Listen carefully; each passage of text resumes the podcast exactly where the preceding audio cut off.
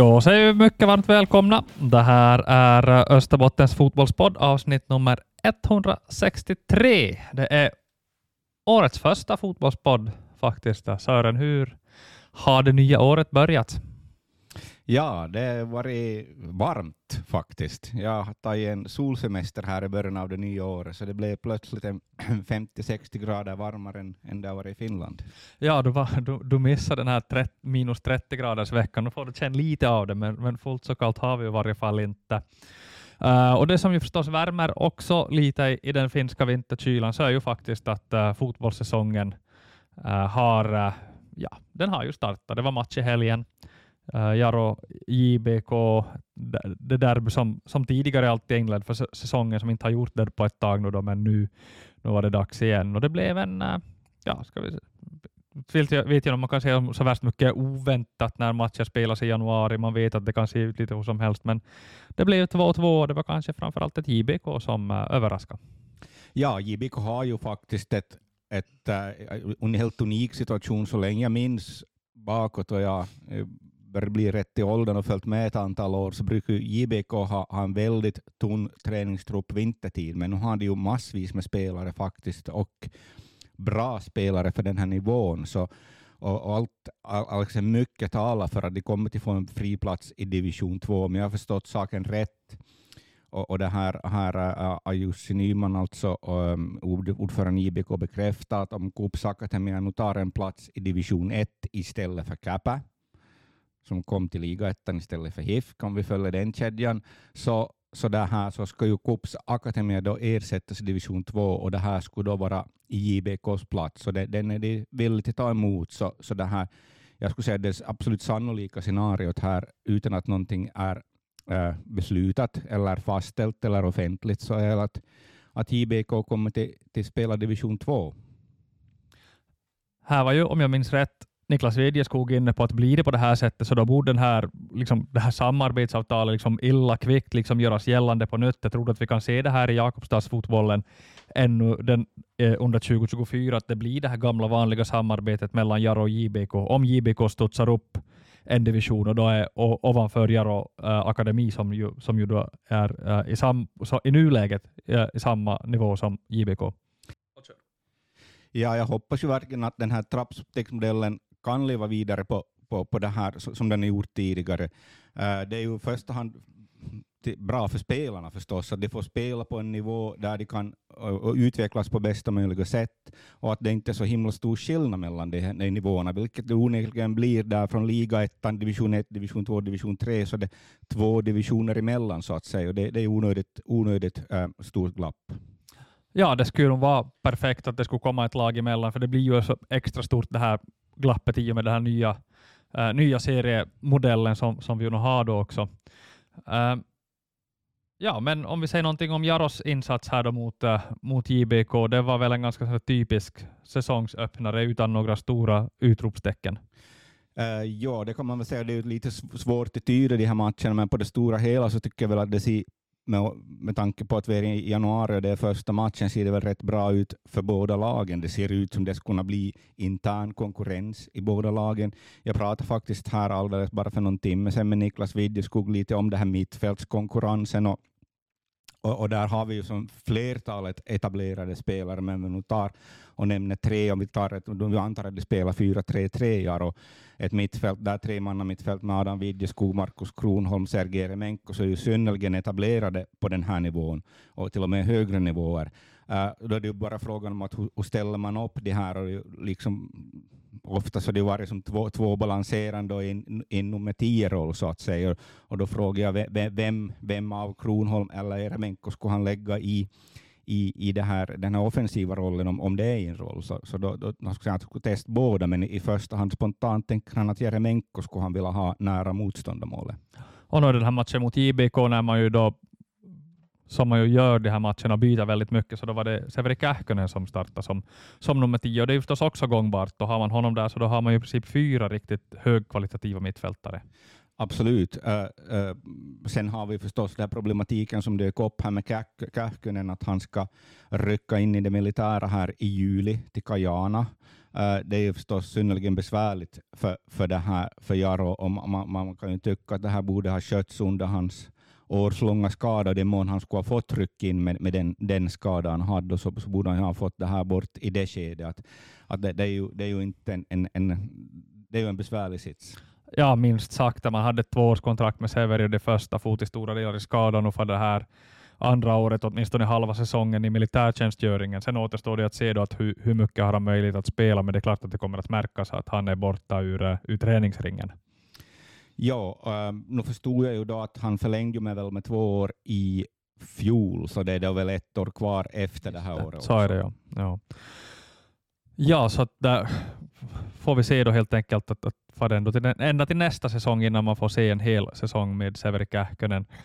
Men man kan ju tycka som sagt att den här diskussionerna borde ha tagits i fjol, för att då, då var ju liksom då, då var ju budskapet det att, att jag i år ska jag, Severi Kähkönen göra en kanonsäsong och sen ska han säljas. No, han kommer ju knappast att säljas med arméns grå på, det tror jag inte. Nej, knappast. Vi får väl se. Det känns som att det är lite hackigt i Severi Kähkönens karriär. på sätt och vis kan man ju också tänka att Jaro drar, kommer att på sikt kunna dra nytta av det, för det är klart att ju mer de får ha honom här, desto bättre är det väl för, för, för laget. Men det är ju klart att om han ändå inte spelar så är det inte så stor, stor skillnad.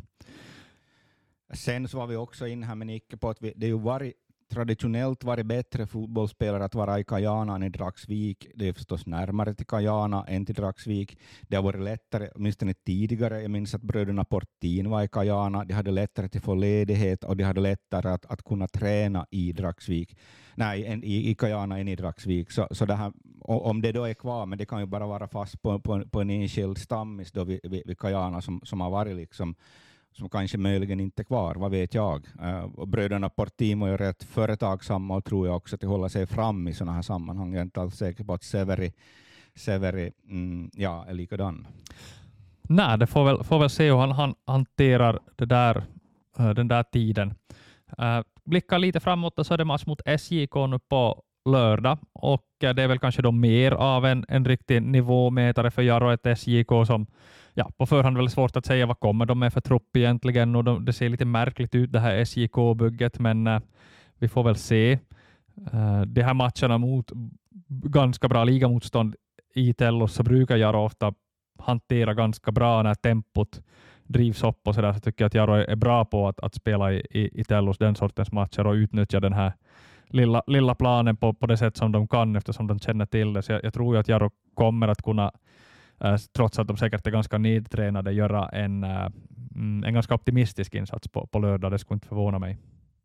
Ja, man kan ju anta att SJK är precis lika nedtränade som Jaro, om inte ännu mer, för de tränar ju förmodligen två gånger om dagen. Uh, på tal om SJK, så då, det dök ju upp här en nyhet senaste dygnet med, med Jaro-kopplingen, Jeremia Sträng då, som var utlånad till Jaro, så han blir nog utlånad till Jonas Portins tidigare klubb Ascoli här, här till, till, till sommaren med option för, för köpoption. Uh, det är ju intressant, han, han var ju, han, han, han var ju varit, varit utlånad efter Jaro, var utlånad till USA om jag minns rätt. Eh, sen i SJK kan vi också notera att landets två storklubbar, SJK och HJK, strular med, med sin, sin ligalicens. De har eh, lyckats med att anställa tränare som inte får träna i ligan, så de måste ja, vaska fram ett nytt namn inom organisationen och då blir det Toni Lehtinen som har kommit tillbaka till SJK efter, efter utflykten till JJK och kom eh, rent formellt vara då cheftränare, fast det väl egentligen inte är så. Ja, det där är ju märkliga historier att två av landets största organisationer på, på fotbollssidan ska, ska råka ut för den där som grejen som man tänker att ja, det där skulle möjligen kunna hända i, i Jaro och den liksom storlegens klubbar, men, men det borde inte få hända i HJK och SJK. Men äh, om vi tar Jaro-perspektivet så kan vi konstatera att det blir en ganska kul extra krydda här med Jaro-matchen på lördag eftersom vi nu då ska få se den mycket omtalade anfallaren äh, Edvin Krona som äh, enligt dina uppgifter Sören har anlänt till Österbotten idag. Ja, det, ja då du provar att ta inspelningsdatum eller inte. Han, han, han landar på, på, på Vasa flygfält klockan, klockan, äh, klockan två på eftermiddagen. Jag faktiskt pratade just här med Adam Widjeskog också som, som, som hämtar honom. Han var ju lagkamrat Adam, Adam Widjeskog och Edvin Krona i Oskarshamn den här gångna säsongen och, och det här, där gjorde ju Kronan visst nio mål. Och han har ju bland annat då fått äh, äh, liksom hyllats som, som, som, som den här som den nya Zlatan, säkert många, eller, eller åtminstone var väl han och Haaland förstod jag som, som, som var liksom de mest omskrivna eh, juniorlöftena här för, för ett antal år sedan. Karriärutvecklingen har inte varit riktigt densamma, men det antyder i alla fall att det finns, en, det finns något i Edvin Krona som vi kanske inte brukar se i Tellosallen i januari. Nej, det ska bli en väldigt, väldigt spännande eh, spelare att och, och se. Och, och, och förstås att det är ju den här typens anfallare man så gärna vill ha i, i Jaro. Uh, eh, nu har vi inte sett honom spela, men med, med, liksom med hela ja, allt vad han kommer med, med, liksom med, en, med en omvittnad talang, med en näsa för, Eh, för mål och allt det här. En karriär som har stannat upp, det är ju någonting sånt som förstås då kan leda en sån här karriär till Jakobstad och Jaro, annars hamnar de ju inte här. Uh, men vi har ju sett, det, det exemplet man tänker på är ju Adam Larsson som, som hamnade i Ekenäs och blev skyttekung. Och, och, och det är ju någonting liknande man tänker sig i, i, i en Edvin Krona, att, att det här att i, i, i det här ändå ganska profilstarka Jaro med många duktiga spelare som kan spela fram en boll till honom, så, så är det här en, ja, det känns potentiellt som en 20-målsvärvning. Ja, det är ju inte, inte nog med då att han har den här, den här bakgrunden kring Edvin Krono som jag just redogjorde för, men allt talar ju för att Jaro faktiskt inte köper grisen i säcken här, för man har ju, man har ju förstahandsinformation då genom att han spelar med Adam Widjeskog den här gångna säsongen. Uh, Niklas Widjeskog har varit i Kalmar, och han vet vad det är för spelare. Simon Krabb vet vad det är för spelare. Här finns massor med för, liksom in, bra information, så, så allt talar ju för att, att det här att det mera handlar om att Edvin Krona ska bestämma sig och, och det faktum då att han, att han kommer hit nu så betyder ju att den processen är en bra bit på väg, annars skulle han förmodligen inte komma hit. Nej, jag tycker också det är intressant det här att, att Jarno plötsligt har ett, ett sådant här hett Smålandsspår här efter att, att då liksom Simon Skrabb har varit några år i Kalmar, Niklas Widjeskog eh, typ en säsong i Kalmar och, och, och, och det här både, både Isak och, och Adam har varit där och, och svänga så har man liksom på kort tid byggt upp ett sånt här spår där man kan hitta en sån här potentiell guldklimp om man jämför det till exempel med fjolåret, alla kontakter man borde haft då med, med en Steven Ward som har liksom träffat alla Finlands mest lovande fotbollsspelare år efter år efter år och där händer ingenting. Och nu plötsligt hittar vi det här. Att det är ju, det, här händer det saker. Ja, det, det, är faktiskt en stor diskrepans där, det, det, utan att kanske veva tillbaka så mycket till fjolåret, men det var ju förvånande med tanke på på att, att, att Steven Ward hade varit, varit eh, länge, eh, typ tio år säkert i förbundet och har varit regiontränare, varit, varit med i olika landslagsringar eh, och borde ha känt varje talang under den här tidsperioden och talanger som har säkert hamnat på, på sidospår och blivit skadade och på, som skulle möjligen kunna få en andra andning i, i Jaro, men de här spelarna såg vi aldrig. Nej, och nu ska man förstås inte ta ut någonting i förskott heller när det gäller, när det gäller det svenska spåret. Ännu har vi inte sett någonting, men ett första smakprov lär vi få i varje fall på, på lördag och jag tycker i alla fall att det höjer temperaturen ganska rejält inför den här matchen. Uh, och lite på det spåret så så är det ju intressant just det här med att då en, en svensk anfallare håller på att dyka upp i Jaro.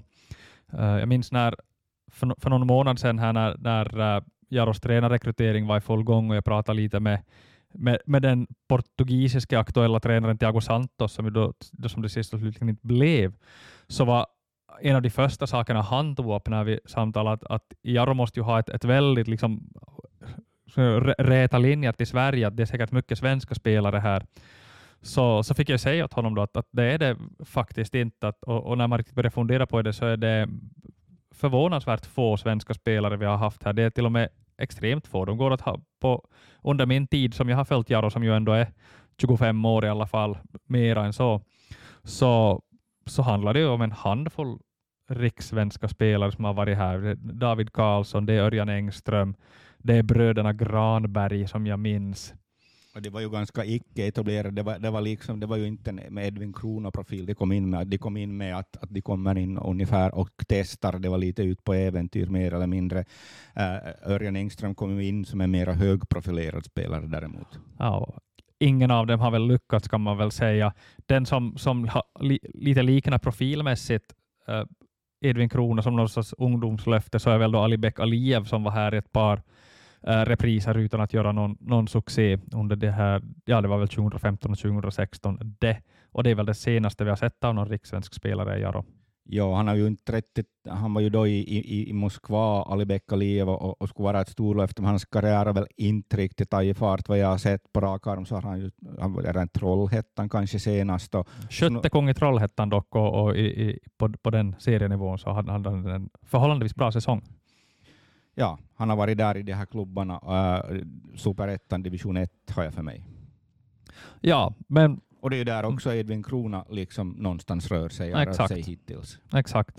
Uh, men ja, faktum är ju att, att just spelarutbytet mellan Jarro och Sverige har varit väldigt, väldigt litet och, och jag försöker fundera lite vad det här kan bero på. Och en, en orsak kan väl vara just det här att, att svenskarna har i alla fall så pass bra koll på Finland att de vet att det är det är inget liksom, fotbollsland dit man kanske åker för att utvecklas eller för att ta nästa steg. Om, att, att säga att du spelar i superettan och har stannat av så, så är pengarna förmodligen bättre om du går ett eller två hack ner i det svenska seriesystemet. Uh, och uh, pengarna säkert också minst lika, lika bra. Att det finns inte så där vä värst mycket att hämta i Finland och det, det har man säkert koll på i, i Sverige. Ja, det, det kanske också det här kommentaren av Thiago Santos säger väl någonting om att han kanske inte då känner till liksom förhållandet mellan Finland och Sverige här och liksom nivåskillnaden och synen på äh, alltså, sy, sy, jag tror den svenska synen på, på Finland och finsk fotboll, liksom, det, jag tror inte att, att Finland står speciellt högt i kurs i det sammanhanget. Nej, och överlag så, så verkar det ju vara så att, att uh, det är enklare att ta steget andra vägen. Att ser vi på en idrott där Finland och Sverige är lite jämnare så är det ju hockeyn och där, där är ju Ja, kryllar av svenskar i Vasa till exempel. Det här kryllar av svenskar i Vasa, men överlag så är det ju inte speciellt mycket svenskar i, i finska hockeyligan mellan, mellan de finska inslagen i SHL och det som förr var elitserien har ju varit enormt. Mm. Uh, här är ju Vasa Sport ett undantag nu faktiskt.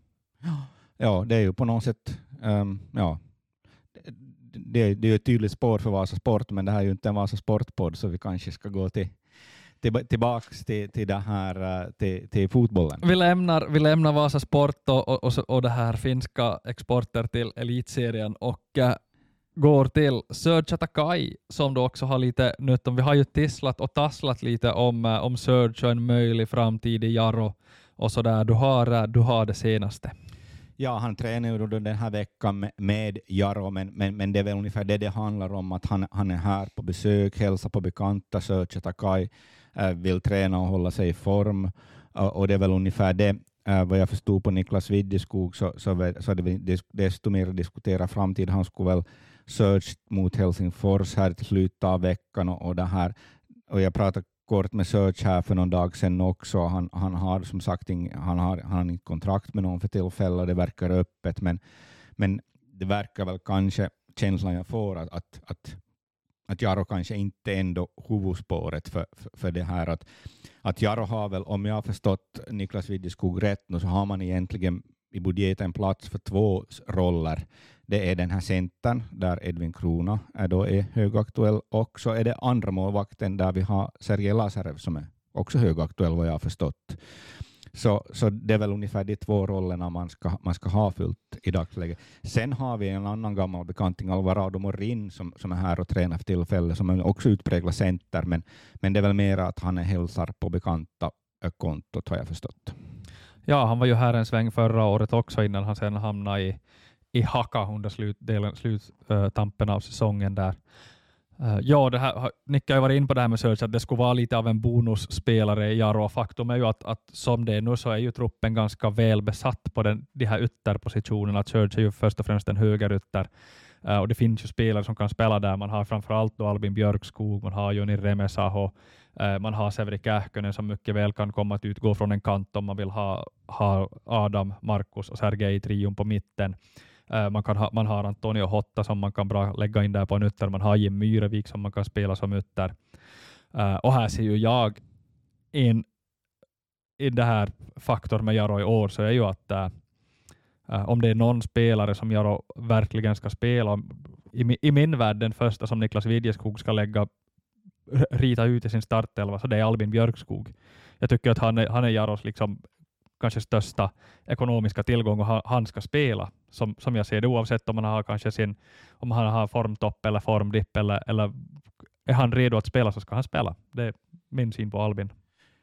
Ja, det går väl obekräftade rykten om att, att, att, det, att han kan bli transferaktuell här, här, här på, på, på kort sikt också, Albin Björkskog, vilket kanske är aningen överraskande med tanke på då att han, han har haft en besvärlig skada bakom sig och, och väl nätt och jämnt på väg tillbaka till sin nivå och inte var speciellt etablerad på den här nivån ens före det. Men, men det här, um, han, är ju, ja, han är ju en intressant fas av sin karriär.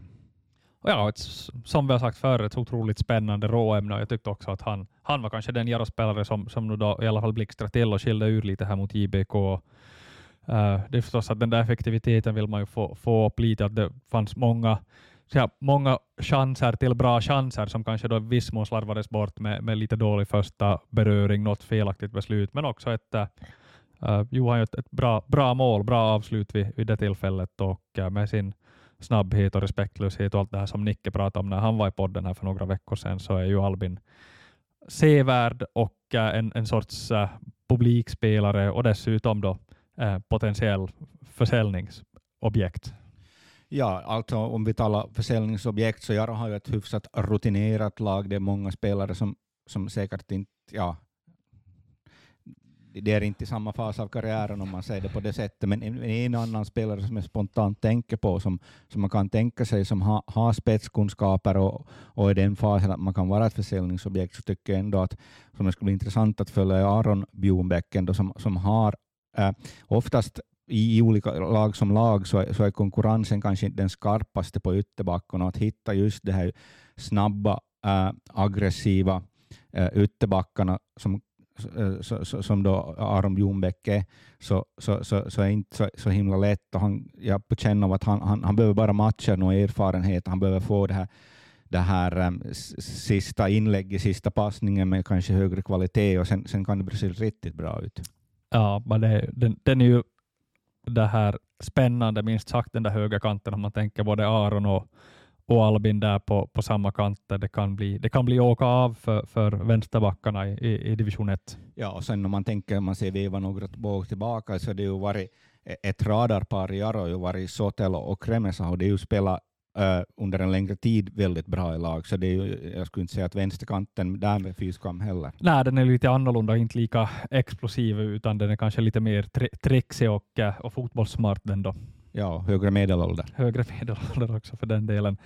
Uh, ja, så vi har ju pratat en hel del om lag, lagbygget här och det ser ju oförskämt bra ut, oförskämt stabilt ut. Många kvalificerade spelare, många rutinerade spelare och uh, en spännande anfallare på ingång. Det är ett intressant läge för Jarro och för Niklas Widjeskog. Och äh, ja, de här vintrarna är alltid så långa och så på något sätt svåra att, att, att säga vart de ska, var de ska sluta, men, men jag, jag skulle ändå liksom utse det här till den mest intressanta vintern på ganska länge. Ja, så känns det faktiskt nog att, att det här, sen är det ju förstås att, att det, det här Severi Kähkönen-nyheten, så, så det är ju ändå han som, som är den här wow-faktorn ändå är i, ja, inte bara Jaro i hela den här divisionen, så, så det är förstås, det är förstås eh, det känns ju inte bra, men som vi var in här då vi pratade mittfält så, så finns det kanske inte en ersättare, inte en, inte en Severi Kähkönen kopia, men det finns bra spelare som kan spela på motsvarande platser, men kanske då äh, spelar på ett annat sätt.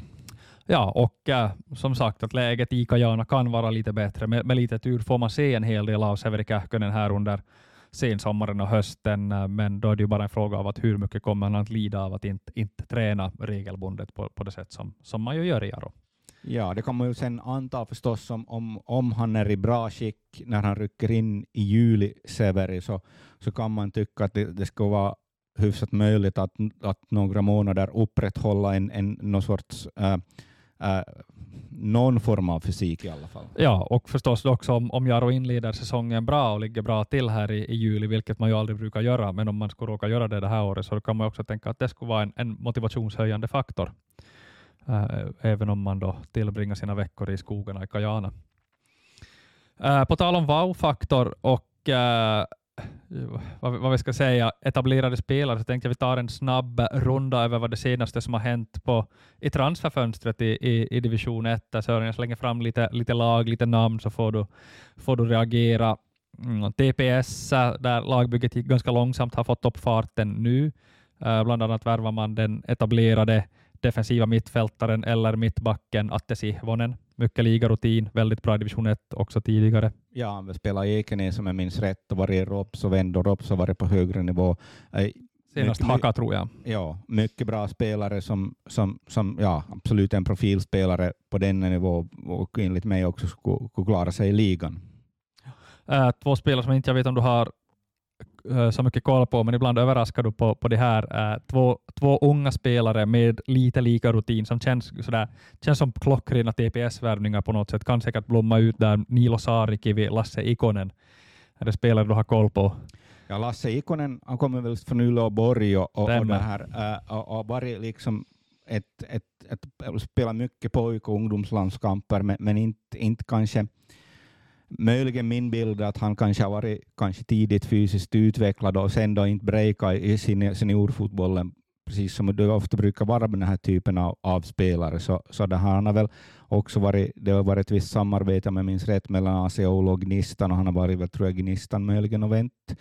Låter så. Jag har för mig att jag har sett namnet i det sammanhang. Har sett Lasse Ikonen, minns jag att jag har suttit och sett att han har spelat, med, spelat mot JBK med Ols, ganska mycket Ols har varit hans lag. Uh, ja, Mika Nutinen är väl just den här typen av spelare som han ska plocka upp helt enkelt. Och han, han, känner ju till, han, ja, han känner ju till den här typen av spelare. Ja, Nilo Saarikivi äh, kom närmast från Honka där han väl gjorde tio framträdanden ungefär i ligan i, i, fjol. Och ja, bara att man får speltid med Honka så tyder väl på att man ska klara sig ganska bra här i, i division 1. Så att, äh, så att äh, TPS blir, blir starka i år igen, om nu någon trodde någonting annat. Uh, den första cupmotståndaren för Jaro, ett, uh, ligaettans cup om två, en och en halv vecka, så Kappa. Uh, äh, där konstaterar man på uh, den, en som har lämnat, eller som inte fortsätter, så det är då stjärnanfallaren Christian Ylihetanen som kom dit och höll på att Uh, rädda kontraktet för Kappa under hösten fick man ju ändå en friplats, så det spelar inte så stor roll. Men uh, han är klar för Gnistan i, i ligan, så att, uh, det behöver Jaro inte oroa sig för den här säsongen. på en spelare in som jag nu noterar, det kommer en del ungt, ungt dit förstås, och det lär väl bli ett ungt Kappa i år igen, men en, en rutinerad back man tar in som känns som att man ser på centralplan varje år, så är Topi Pasi. Ja, ja. No, det behöver väl få upp sin medelålder också lite, men, men det här inte, inte, det, inte, inte, inte har vi Matte Sihonen nivå. Det gör vi inte. Topi Pasi känns ungefär, det, det är han och eh, Samuel Mahlamäki Camacho som eh, år efter år byter division 1-klubb och eh, alltid dyker upp i, på centralplanen i någon rutinerad backlinje i ett mittenlag. Men äh, det här året så undrar jag om inte Topi Pasi får äh, kämpa mot degradering i, i Kappa. Uh, ett lag som jag tror blir tuffa det här året så är Salpa. Uh, tycker de ser ut att ha ett stabilt bygge på gång. Man har, uh, man har, man har tagit in en gammal TPS, uh, vad ska man säga, ett stort TPS-löfte. En spelare som det troddes mycket på men som inte riktigt har fått det att flyga nu då, det är Jasper Jalonen. Ja, Ja, no det, det, är ju den här typen av klubbar, att de, de här som inte breakar i, i, i TPS eller, eller Inter, så, så far ju till Salpa ofta. Um, ja, det, det, det, har ju, det hade ju lite problematisk avslutning på säsongen på, på tränarsidan och allt där, så man får ju se hur, hur, hur dammet sätter sig i, i, i den här klubben helt enkelt. Ja, men äh, Oskar Jakonen är där och sådär, så det är ganska, ganska mycket profilstarka spelare i Salpa. Dessutom såg jag att man hade en grej på gång här som man vill få se, som väl inte känns sådär helt hundra trovärdighetsmässigt, men, men, men, men, man ska ha uppmärksamhet för det i alla fall. Uh, man ska ha, ha någon sorts uh, dokusåpa-aktig Äh, grej där man då ska söka sin nästa kärnspelare, så att äh, lite, lite vem som helst får väl då ansöka om att vara med i det här sammanhanget och, och, och, och sådär. Det, det här motsvarande har gjorts i, i, i Sverige. Uh, och där har den spelare som kom fram där och vann den tävlingen, vad man ska säga, så, så har väl någon typ av proffskontrakt nu då och klarar sig helt hyfsat och, och, och sådär. Men, men det känns väl spontant som uh, lite, lite desperat grej att ta till så här i, i mitten av, av januari. Uh, men får, får följa den där såpan och se, se var den landar och se om Salpa får lösa en spelare därifrån. Sen känns det väl rent generellt som, som att det är TPS, det är Kotka, det är Jaro som, som är de här storlagen här. Så är det. Kotka har plockat in Mikko Sumusalo nu på backlinjen. Uh, jag tycker också Jippo ser lite intressant ut med som att plocka in Anton Eerola med liga, liga det här meriter från KTP och också vår lilla favorit Oskar Pihla är klar för, för Jippo. Ja, det var kanske den genomgången. Det vi börjar avsluta Fotbollspodden för den här gången. Äh, vi ska ännu meddela att lördagens match mellan Jaro och SJK kommer att sändas på ot.fi. Den hittar ni där om ni inte har möjlighet att vara i Tellushallen på lördag. Så att, äh, häng med, det är jag och Sören som kommenterar. Vi tackar för den här veckan.